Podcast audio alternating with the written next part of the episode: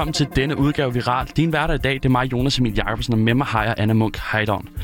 Vi har let både højt og lavt på nettet for at finde det, der har været mest interessant det seneste døgns tid. Og vi har taget det mest interessante, skæve, skøre og sjove med. Og hvad er det, du har taget med, Anna? Jamen Jonas, jeg har jo taget øh, en øh, rødglødende og interessant teori om et par omvendte bukser med. Okay, det lyder anderledes i hvert fald. Jeg har lidt med om rumrejser og milliardærer og alt, hvad der sker på det område. Fantastisk. Ja, skal vi ikke bare øh, kaste os ud i det og se at komme i gang? Nå, Jonas. Øh, jamen, øh, der har jo floreret en rigtig interessant teori på nettet, særligt det seneste døgn her. Og øh, det skal vi lige høre lidt mere om her. There, there is a theory that Donald Trump put his pants on backwards because you do not see a zipper here. There was talk online that he may have suffered a wardrobe malfunction, specifically involving his pants, which some believed were on backwards. Joe Biden's riding his bike and leading a country quite well. This guy's running around with pants that look like he, he pooped in them or something. A lot of people think that Donald Trump was walking around with his pants on backwards. I think these are just idiots wanting to be mean to Donald Trump. det lyder godt nok specielt. Ja, som du kan høre, så har jeg taget et meget essentielt udenrigspolitisk spørgsmål med øh, Ja, til ja, os. det kan jeg høre. og det er selvfølgelig det store spørgsmål om, har Donald Trump sine bukser omvendt på? Øh, og teorien, den, øh, den er opstået efter, at øh, gode, den gode Trump han holdt en 90 minutter lang tale til republikanernes årlige stormøde i North Carolina.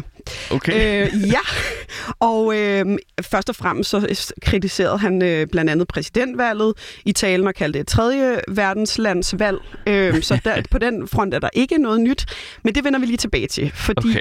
endnu vigtigere end pointerne i hans tale, så var spørgsmålet, havde Trump taget sine bukser på forkert? Og derfor, Uh. Jonas, så har jeg taget et par billeder med Ja, øh, af buksesituationen til dig. Og øh, det er screendumps inden fra de utallige videoer, øh, som florerer lige nu med konspirationsteorien. Er der nogen, der har givet ham bukserne på forkert? Har han selv taget dem på forkert? Hvem har bukser, bukserne på i det her foretagende? Hvad øh... synes du Øh, umiddelbart, Jonas? Jamen altså, det jeg kan fortælle jer lytter, det er, at det er et billede af Donald Trump i et øh, klassisk, meget langt, meget bredt rødt slips. Øh, Mm. Marineblåt jakkesæt er det vel. Og så øh, selvfølgelig det amerikanske flag som en lille pinde op ved brystet. Men hans bukser har nogle meget karakteristiske folder, sådan øh, på det øverste af lårene lige under hofterne, som, øh, som indikerer lidt, at det er nok at den side, der plejer at blive bukket, når man sætter sig ned, eller blive foldet øh, ja, på det øverste låren bagpå. Så øh, jeg vurderer, som den ekspert, jeg er i bukser, at de sidder omvendt. Som, øh, ja, og, øh, og jeg vil sige, at der er jo selvfølgelig også, det kunne også godt ligne, der var en lille smule padding, men det er en helt anden sag. Øhm, det, det, der er nogle forskellige øh, teorier om, det er, hvorfor er der ikke nogen lynlås her foran i bukserne? Og... Også en god indikator på, at man har vendt den forkert, ja. Ja, Absolut. Men på den anden side, hvis der er en lynlås i, har han så lynet dem op bagfra? Øhm, altså er vi ude, er vi ude i det niveau af, af omvendt buksehåndtering, at han simpelthen har knappet dem og lynet dem bagfra? Altså, jeg vil, gerne, jeg vil gerne se nogle billeder bagfra også, for at være helt sikker. Men på den anden side, han kører de der kæmpe store jakketagsjakker, så man kan formentlig ikke se det. Præcis. Og det er jo til hans fordel, hvis der nu gemmer sig en lynlås bagpå. Ja. Men Jonas, det er jo ikke det eneste, der er til den her historie. Okay. Øhm, fordi at... Øh, nu vender vi lige tilbage til indholdet i, i, i hans tale, og det er jo, at øh, selvfølgelig blandt andet, at valget det var rigged, og at øh, han faktisk vandt. Og I kan lige høre et lille udsnit af det her.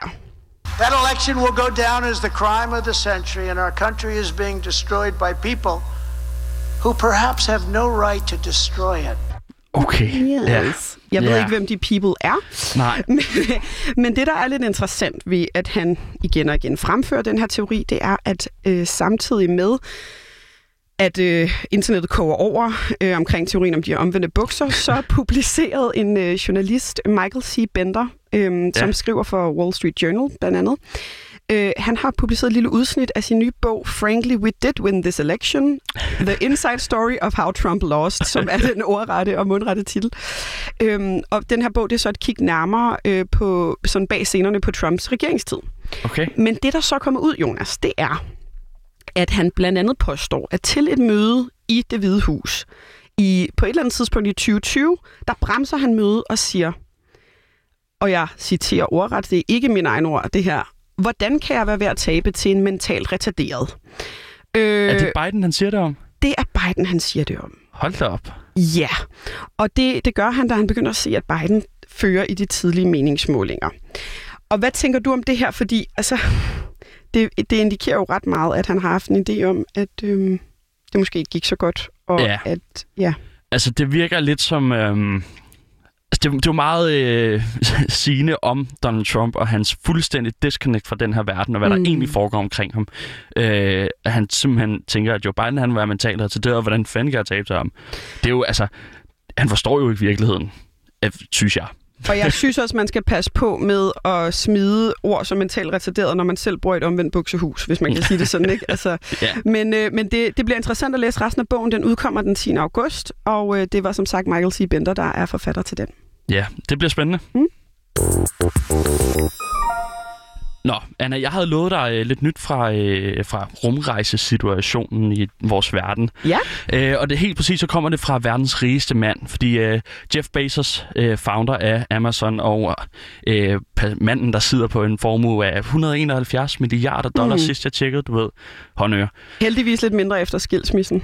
Ja, nå, men dem har han tjent ind igen. Det, Ja, det det, det går hurtigt. Nå, øh, siden 2005, der har han haft en rumfartsvirksomhed, der hedder Blue Origin. Mm. Og de har fløjet 22 testture af større og mindre kaliber. De har også haft testpiloter helt op over 100 km øh, op i det, der hedder ter- termosfæren, tror jeg. Uha, Og så har de sendt en dukke ud i rummet, og dukken den hed Mannequin Skywalker. selvfølgelig. Ja, det var De godt. har da lidt humor. Ja, men det, det går også godt for Blue Origin, og de øh, er nogle af dem, der konkurrerer med SpaceX, som jo også er kæmpestor Elon Musks mm. øh, spaceflight-firma.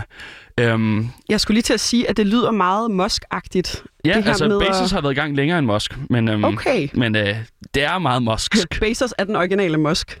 Øh, det, det, kan, det kunne man godt sige. Okay, rummæssigt i hvert fald. Ja, men øh, det, det går skide godt med Blue Origin, Mm. og så i juli, der skal de for første gang rent faktisk flyve ægte levende mennesker ud i rummet. Wow. Ja, det bliver jo lidt spændende. Og i forbindelse med det, der har postet Jeff Bezos en video på sin Instagram, Instagram og jeg synes lige, vi skal høre lidt af den. See the Earth from space, it changes you. It changes your relationship with this planet, with humanity. It's one Earth. I want to go on this flight because it's a thing I've wanted to do all my life. It's an adventure. It's a big deal for me. Ja, du hørte rigtigt. Jeff Bezos himself, han kommer altså til at være ombord på Blue Origins første bemandede tur ud i rummet. Jeg elsker, at, øh, at manden, der, der så har lavet en form for avanceret rumrejse øh, potentielt, at han, altså det, det er jo ikke lige frem sådan de skarpeste pointer, han fremlægger. Der er en jord. There's one earth. Ja, det er, det er så godt, han har set det, og det, om ikke andet kommer jeg så til at se det med sine egne øjne. Ja. Øhm, Så alle I flat earthers, ikke? Glem det. snak med Jeff om det. Ja, præcis. Ja. Øh, han har også inviteret sin bror med, fordi øh, det synes de kunne være fedt at gøre sammen. Det er da hyggeligt. Man skal have enormt mange penge for at sige til sin bror, skal vi ikke tage det ud i rummet? Ja. ja Adam, Øhm. hvis du lytter med, not gonna happen. Helt fair. Han kan få en tur i min leasede øh, Peugeot 107. Det Øhm, kan også noget. Det kan fandme også noget. Ja. Altså. Men det efterlader sig, øh, efterlader sig altså med et spørgsmål, nemlig hvad er det alle de milliardærer, de skal ud i rummet? De synes jo at valgfart derud. Mm. Jeff Bezos gør det, Elon Musk kan regne med at få SpaceX-raketter til Mars i 2024, og virksomheden Virgin Galactic, de regner med at kunne flyve turister ud i rummet i år. Men Okay. hvad er det, de skal derud? Ja. De skal tjene penge. Hvad ellers? Okay, og hvordan har de tænkt sig at gøre det? Jamen, Elon Musk kan vil lave en Mars-koloni, og de vil skubbe teknologiens grænser. I sidste ende vil de også skubbe menneskehedens grænser. De vil sådan, altså mm. avancere, så at sige. Og så er der noget, som jeg personligt synes er helt enormt spændende, nemlig mm. asteroid mining. Okay, og hvad, Ja. hvad, hvad er det? Det ligger lidt over, det er nemlig minedrift i rummet.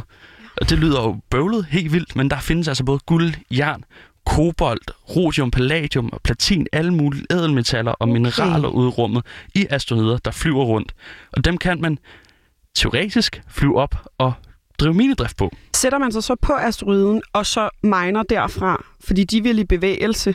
Ja, det er... Jeg ved ikke, om du kan huske, NASA havde en, øh, en øh, sonde, en, et eller andet oppe og tage samples fra en asteroide Ja. for, hvad er det, et halvt års tid siden eller sådan noget? Mm. Ja, og det er jo faktisk øh, sådan, hvad kan man sige, det første af det, vi ser. Det er stadig mange, mange årtier ude i fremtiden at kunne det her, men det er altså noget af det, der gør, at, at man forventer, at, at rumfartsindustrien kan blive mange, mange, mange billioner dollars værd. Så det er næste store frontier, der bliver skubbet på, og det er derfor, alle de milliardærer, de virkelig skynder sig for at være de første, fordi de første, der kommer ud, de tjener flest penge. Prøv at høre, der er mange gale mænd i den her verden, Det er og der. sikkert også et par kvinder. Øhm, men, øh, men, øh, men det bliver spændende. Jeg synes, det er rigtig, rigtig spændende at følge Det er nemlig alt med rummet, trup. synes jeg er helt enormt spændende, og jeg håber mm. bare noget af det her, det bliver i min levetid, så jeg kan nå at opleve det. Du er, prøv at høre, jeg er ikke nogen hvor har, men du har masser af tid foran dig, Jonas. Jeg glæder mig i hvert fald. Men Anna, det betyder altså, at vi er nået til vejs ende, og det har været en fornøjelse. I lige måde, Jonas. Ja, din hverdag der har været mig, Jonas Emil Jacobsen og Anna Munk Hedorn. Vi har lånt lyd fra Jeff Bezos Instagram, The Views, Jimmy Kimmel Live og Extra TV's YouTube. Tak fordi du lyttede med.